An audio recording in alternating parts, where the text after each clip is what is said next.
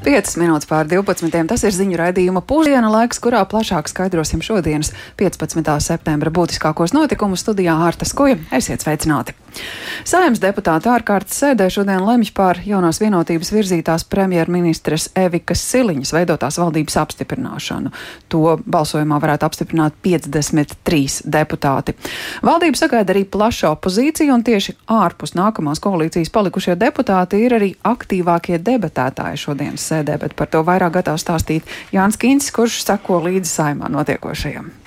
Sveicināti! Jā, šis piekdienas rīts eh, saimā sākās ar koalīcijas līgumu un valdības deklarācijas parakstīšanu. Šim procesam, kā jau ierasts, vajadzēja vien dažas minūtes, un nebija vērojama nekāda aizķeršanās, eh, lai parakstītu vairākās mapītēs ievietotos dokumentus. Eh, tas notika ātri, un tad jau cilvēki sāk, deputāti un politiķi sāk gatavoties šai saimas sēdēji, un nepilnu stundu vēlāk saimas ārkārtas sēdē par uzticības izteikšanu jaunajam ministru kabinetam Pirmā uzstājās premjeramata kandidāte Evika Siliņa no jaunās vienotības.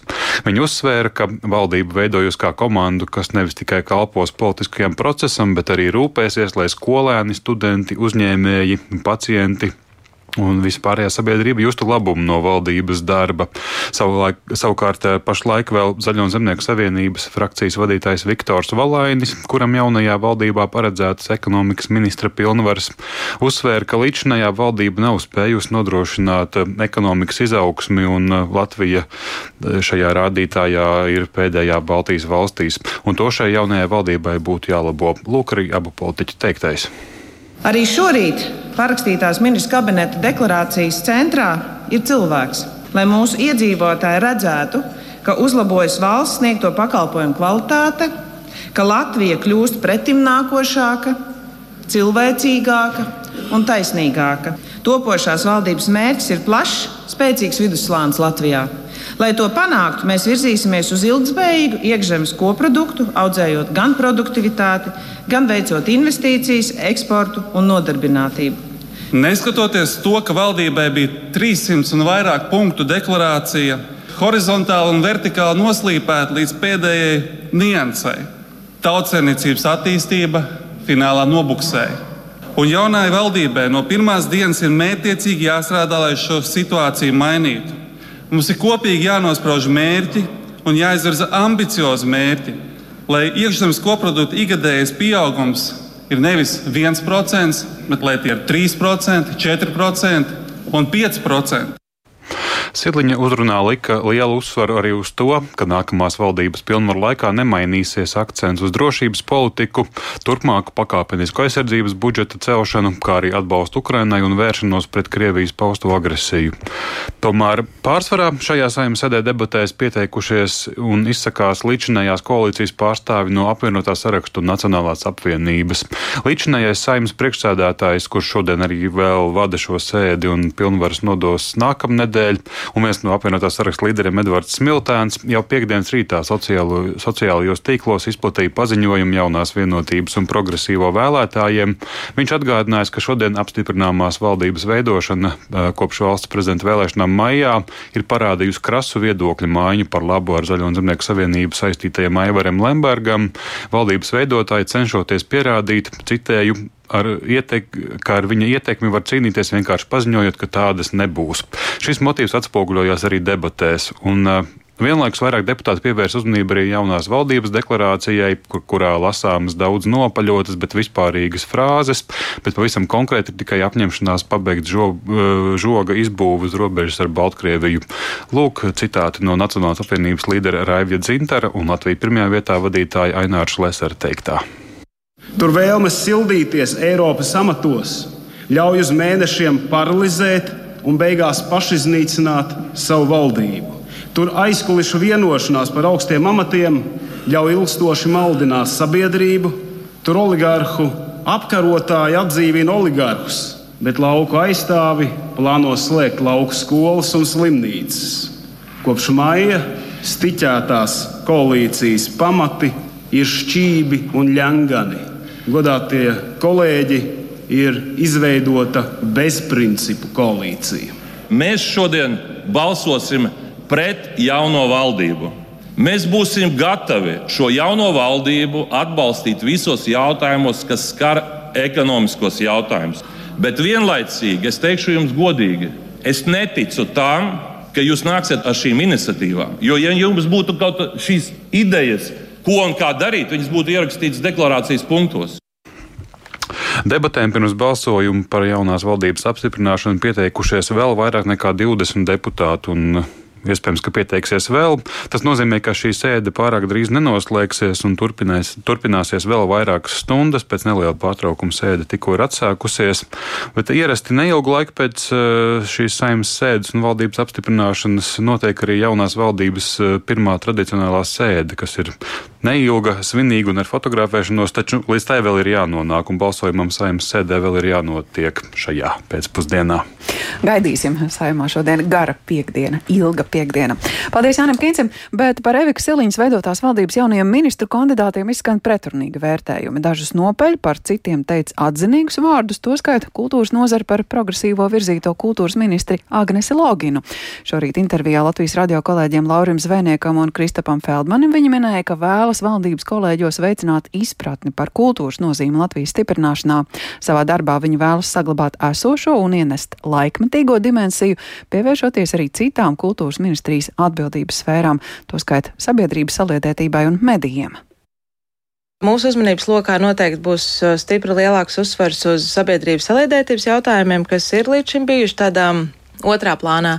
Un uh, šobrīd ir ļoti daudz izaicinājumu, un mēs plānojam ar tiem strādāt. Un, uh, šobrīd vēl nesaukšu vārdus, bet man birojā būs vairāk cilvēku, kur ir tieši specializējas sabiedrības saliedētības jautājumos un kas būs spējīgi strādāt ar šīm tēmām. Kultūras ministrija atbild arī par mēdīju politiku.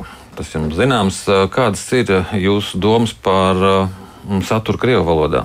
Manas domas ir tādas, ka mēs uh, dzīvojam blakus divām agresīvām valstīm, kuras cīnās par mūsu intelektuālo telpu. Un uh, Krievijai sevišķi ir ārkārtīgi spēcīgā līmenī attīstīta propagandas māksla, un uh, viņiem ir izdevies melot tādā apmērā, ka meli daudziem cilvēkiem kļūst par patiesību. Un vienīgais veids, kā mēs varam tam turēties pretī, ir stāstot objektīvus faktus, kas nav puspatiesības, kas nav tendenciozi, mēli arī bieži vien cilvēkiem saprotamā valodā. Tāpēc es uzskatu, ka ir jārada saturs svešvalodās, gan angļu, gan krievu valodās, lai mēs varam paši stāstīt par sevi, nevis uh, pakļauties tam, ko par mums stāst. Jo par mums runās jebkurā gadījumā. Jautājums ir par to, vai mēs piedalāmies tajā sarunā. Un sabiedrisko mēdīju apvienošana, tas process ir jāturpina vai jāiepauzē šobrīd? Manuprāt, jāturpina. Nē, esmu iepazinusies ar visiem dokumentiem, jo gluži vienkārši viss nav publiski pieejams gaidu arī nu, tas tiešām tuvākās divas nedēļas, trīs nedēļas droši vien būs uh, ieskriešanās laiks, iepazīšanās ar dažādiem šiem dokumentiem. Šobrīd uzskatu, ka jāturpina, un uh, tieši apzinoties, ka šis būs ļoti liels, nopietns jautājums, arī plānoju savā birojā, ko šobrīd vēl turpinu formēt, plānoju mēdīju padomnieku, kas tieši pilnā slodzē strādās ar šīs reformas potenciālo īstenošanu. Tā šorīt Latvijas radio sacīja progresīvo virzītā kultūras ministrs kandidāte Agnese Logina, bet nu gan no politikas pie veselības. Latvijā turpina pieaugt Covid-19 izplatība, tā informē slimību profilaks un kontrols centrā, lai arī saslimstības līmenis joprojām ir relatīvi neliels. Veselības nozara sabiedrība aicina būt piesardzīgiem un veikt analīzes, ja ir aizdomas par saslimšanu, bet vairāk par situāciju ar Covid-19 šeit studijā ieradusies pastāstīt kolēģi Paula Dēvica, kurai vaicāšu, kāda tad šobrīd ir vīrusu izplatības rādītāji. Sveika, Arta! Labdien, Latvijas radio klausītāji! Un jā, šobrīd jau apkārt var just to, ka Covid-19 atkal ir parādījies cilvēku dienas kārtībā. To gan dzirdam savu apkārtējo cilvēku vidū, gan arī redzam sociālajos mēdījos, kur lietotāji arvien biežāk raksta par saslimušiem draugiem, kolēģiem un ģimenes locekļiem. Un tas tiesa mēs arī pagājušajā nedēļā ziņojām, ka saslimstība ir pieaugusi salīdzinot ar vasaru, un šāds pats pieaugums turpinās arī šonadēļ.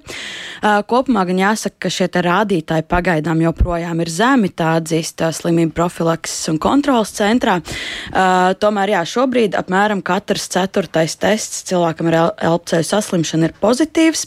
Vērojams arī stacionēto pacientu pieaugums, ja vasarā stacionārā ievietoja aptuveni 16 pacientus nedēļā, tad šobrīd tie ir 39. Uh, piebildīšu, ka kopumā tādus skaitļus, cik ir saslimušie, protams, ir ļoti grūti iezīmēt, jo ļoti daudz testēs mājās vai arī, arī netestēs vispār. Un, uh, par to uh, Latvijas radio stāstīja arī ģimenes ārste Linda Reitsle, kur arī novēro savā praksē uh, šo saslimšo pieaugumu. Tas ir tas, kas man ļoti satrauc, ka mēs esam psiholoģiski noguruši, mēs esam izdeguši par šiem gadiem. Mums vairs negribās nedzirdēt to covid, ne redzēt to covid.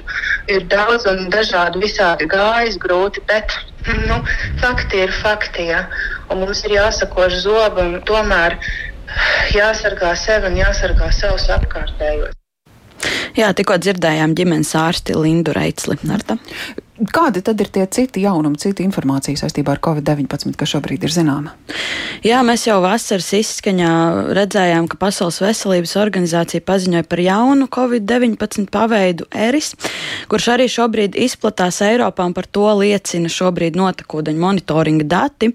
Un, jā, dzirdēsim, ko par šo variantu stāsta slimību profilakses kontrolas centra epidemiologs Jurijs Pervaščikovs. Šis erīts ir pēcnācējs, kas nāk no iepriekš izplatīta, ka varianta XBB15, viņam pievienojas vēl viena mutācija, un šis vīrus ir jau kopš vasaras mēnešiem intensīvi izplatās vairākas valstis, bet neviens pagaidām nav novērojis, ka šis vīrus būtu izraisījis smagāku klīnisku gaitu. Jā, tā tad kopumā saslimstības līmenis pieaug, bet joprojām ir zems. Un uh, simptomi ir tie paši, ko mēs jau visi labi zinām. Ļoti līdzīgi citām elpceļu saslimšanām. Tas ir klepus, paaugstināta temperatūra, nogurums, galvas sāpes. Un, uh, kā zināms, iedzīvotājiem joprojām ir iespējams saņemt arī Covid-19 vakcīnas, un šobrīd SPKC tās rekomendē tieši riska grupu pacientiem. Un uh, vienlaiks jāatzīmē, ka šobrīd uh, iedzīvotāji tiek aicināti būt ļoti uzmanīgi un arī atbildīgi ne tikai pret sevi, bet arī pret apkārtējiem. Jo, kā mēs zinām, ja pašam nav bail saslimt, tad apkārt var būt arī cilvēki, kam šis vīrus var nodarīt ļoti smagas sekas. Mm -hmm. Ģimenes ārstē arī šobrīd jau jūt, ka pacientu kļūst vairāk. Jā, Tas ir jūtams, bet jā, pašlaik vēl tādas krīzes situācijas nav, un, un arī tuvākajā laikā vēl tādus lielus satraukumu ne, nav. Jā, nu, kā epidemiologs saka, raudzīsim, kā, kā šī slimība turpinās attīstīties. Paldies par jaunāko informāciju, saka kolēģei Paulai Dēvicai, bet nu gan no Latvijas skatu punkta paraudzīsimies uz problēmu un situāciju, kam līdzi seko visa pasaule. Ziemeļāfrikas valstī Lībijā piekto dienu turpinās seku likvidācija pēc katastrofālajiem plūdiem, kuros dzīvību zaudējuši tūkstošiem cilvēku, bet stihijā vissmagāk cietusī Dernas pilsēta ir daļai sagrauta. Plūdu skartajos rajonos krājas neaizvesto līķu kaudzes, bet daudziem izdzīvojušajiem vairs nav māju un trūkst pat pirmās nepieciešamības lietu. Lībijā pastiprinās aicinājumi sākt izmeklēšanu, lai noskaidrotu varas iestāžu atbildību par milzīgo bojā gājušo skaitu, un šo tematu vairāk gatavs stāstīt Ulris Česbergs. Vētras Daniels atnestas spēcīgas lietavas pagājušajā svētdienā izraisīja plūdus Lībijas austrumu reģionos. Vissmagāk tie skāra vidusjūras piekrastes pilsētu Dernu, jo milzīgo nokrišņu dēļ tika pārauti divi dambi, tāpēc milzīga ūdens masa burtiski nošķūrēja daļu pilsētas rajonu. Vietējās varas iestādes lēš, ka pilnībā nopostīta ir aptuveni ceturtā daļa pilsētas, kur pirms katastrofas dzīvoja 90 tūkstoši cilvēku. Pēc plūdiem aptuveni 30 tūkstoši dernu Cernas iemītnieku ir palikuši bez mājām. Lībijas sarkanā pusmēnesis organizācija līdz šim ir apstiprinājusi vairāk nekā 11 tūkstošu cilvēku bojāēju, taču patiesais nogalināto skaits varētu būt 20 tūkstoši. Arī šodien Dernā turpinās katastrofas seku likvidācija, mēģinot plūdu sanestajā dubļu masā un zem ēku drupām atrast vēl simtiem un tūkstošiem bojāgājušo. Daudzi upuri tika ieskaloti jūrā. Līķi ir izskaloti ne tikai tuvējā piekrastē, bet arī pie Tubrukas pilsētas kas atrodas vairāk nekā 150 km uz austrumiem no Dērnas. Citā Lībijas austrumu pilsētā Beidā dzīvojošais Muhameds Elģers pastāstīja, ka pirmajās dienās pēc stihijas seku likvidācija, mirušo izvešana, izdzīvojušo evakuācija un palīdzības piegāde norisinājās ļoti haotiski taču pamazām situācija uzlabojas. Situācija joprojām ir sarežģīta attiecībā uz mirstīgo atlieku atrašanu, izcelšanu, identifikāciju un apbedīšanas procesa veikšanu. Un tad vēl ir izdzīvojušie. Ir sarežģīti organizēt un koordinēt palīdzību, lai nodrošinātu, ka cilvēkiem ir dzeramais ūdens. Dernā nav pieejams dzeramais ūdens, ka cilvēkiem ir nodrošināta pārtika, Nav šaubu, ka mēs varējām izvairīties no tik milzīgiem cilvēku upuriem, ievainojumiem, pārvietošanas un ciešanām. ANO vakar paziņoja, ka lielāko daļu no tūkstošiem nāves gadījumu varēja novērst, ja būtu darbojusies efektīva iedzīvotāju brīdināšanas sistēma un ārkārtas dienesti būtu evakuējuši cilvēkus. Vietējām iestādēm jau gadiem bija zināms par plūdos pārrauto aizsprostu slikto tehnisko stāvokli, taču to remontam atvēlētie līdzekļi netika izlietoti. Lībijas galvaspilsētas Tripolis iedzīvotājs Emats Halaifa uzskata, ka ir jāsauc pie atbildības cilvēki, kas kavēja dāmbju remontu. Notikušais gulstas uz atbildīgo iestāžu pleciem. Kāpēc? Jo bija skaidrs, ka dāmbjiem ir problēmas un tiem ir nepieciešams remonts, bija brīdinājumi, kāpēc nesalabojiet dāmbjus. Amatpersonas ir atbildīgas par visiem bojā gājušajiem. No abu konkurējošo Lībijas valdību politiķiem ir izskanējuši aicinājumi ģenerālprokuroram uzsākt izmeklēšanu, lai varētu saukt pie atbildības personas, kas pieļāva dāmbju sabrukšanu. Tāpat tiek uzdoti jautājumi par drošības iestāžu rīcību, izsludinot komandantu stundu naktī, kad dernu sasniedz vētra Daniels Uldis Česberis, Latvijas radio.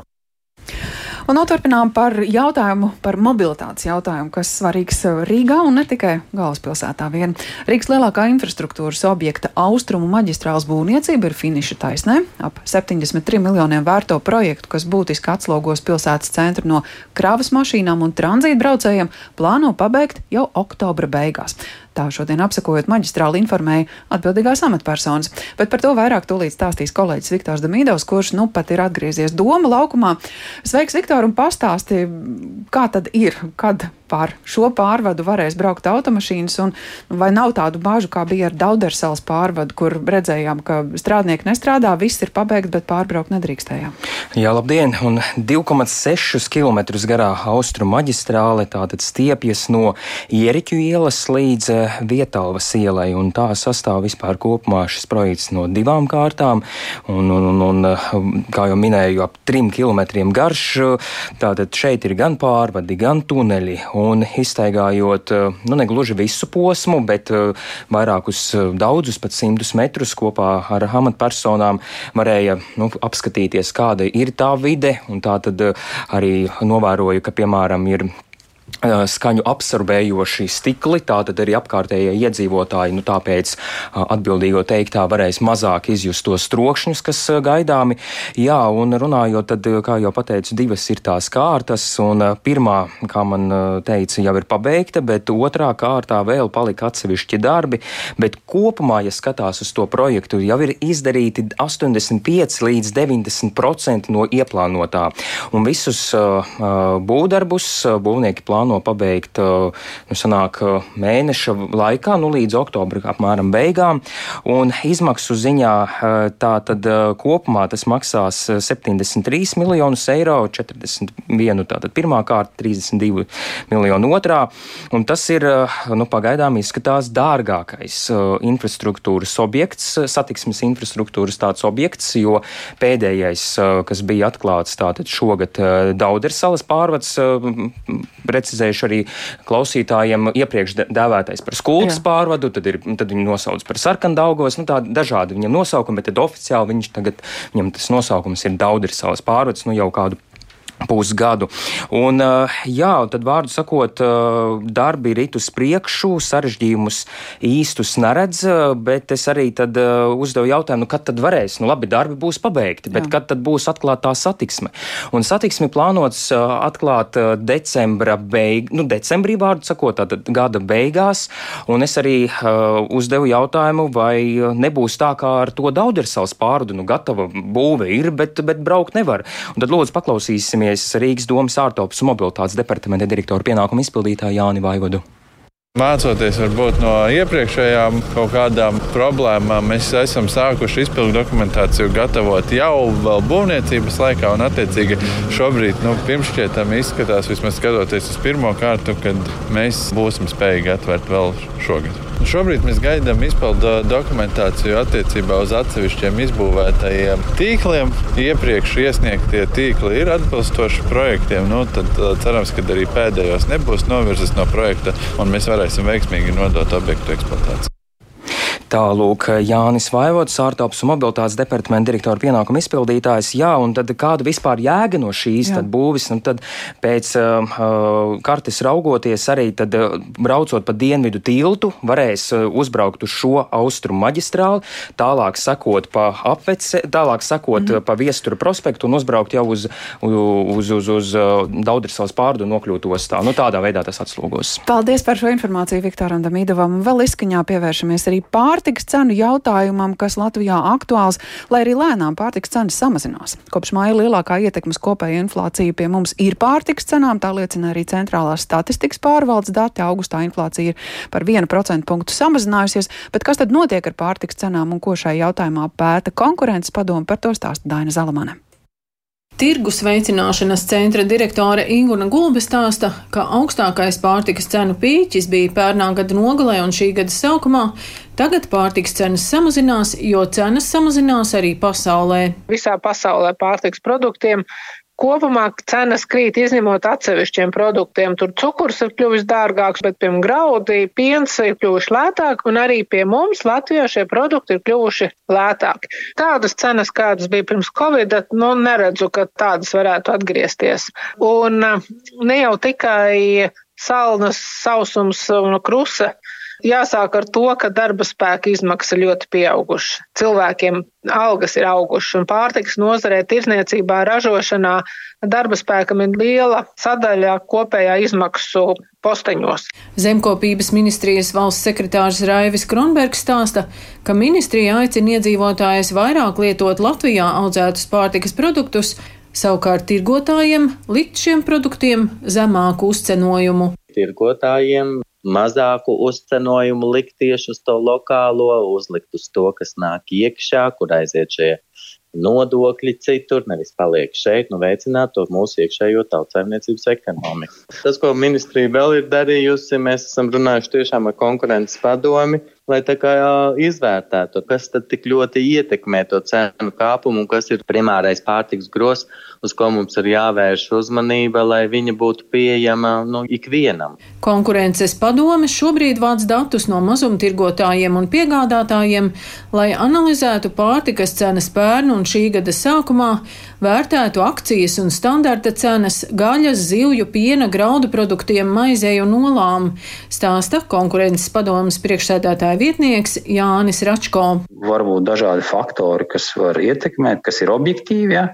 Un arī varbūt tādi, kas ir jau tādi mārketinga triki, tās ir akcijas, bet, protams, var pastāvēt droši vien mazumtirgotāju vēlmu kaut kādiem produktiem uzlikt lielāku uzcenojumu, uzskatot, ka patērētājs Tāpat nopirks produktu grozu pie viņa.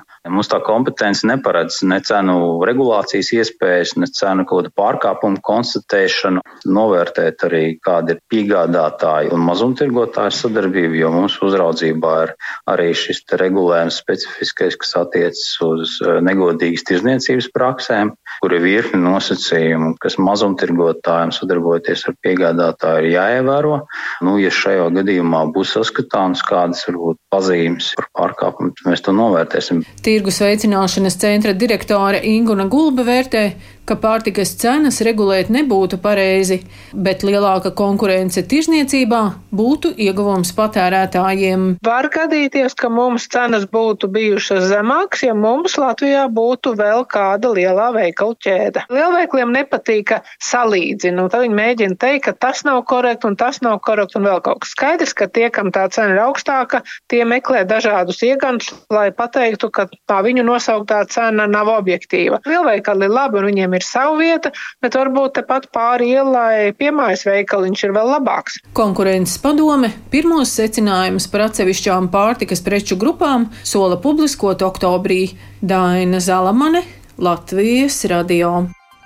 Un šobrīd izskan raidījums pusdiena. Tā producents Kārlis Dāngielis ieraksts montē Renāšu Steimanis pie skaņa pulcīvēt zvejniece. Ar jums sarunājās Ārtas Kuja un dienas aktualitātes plašāk skaidrosim arī raidījumā pēcpusdiena uzreiz pēc ziņām četros. okay.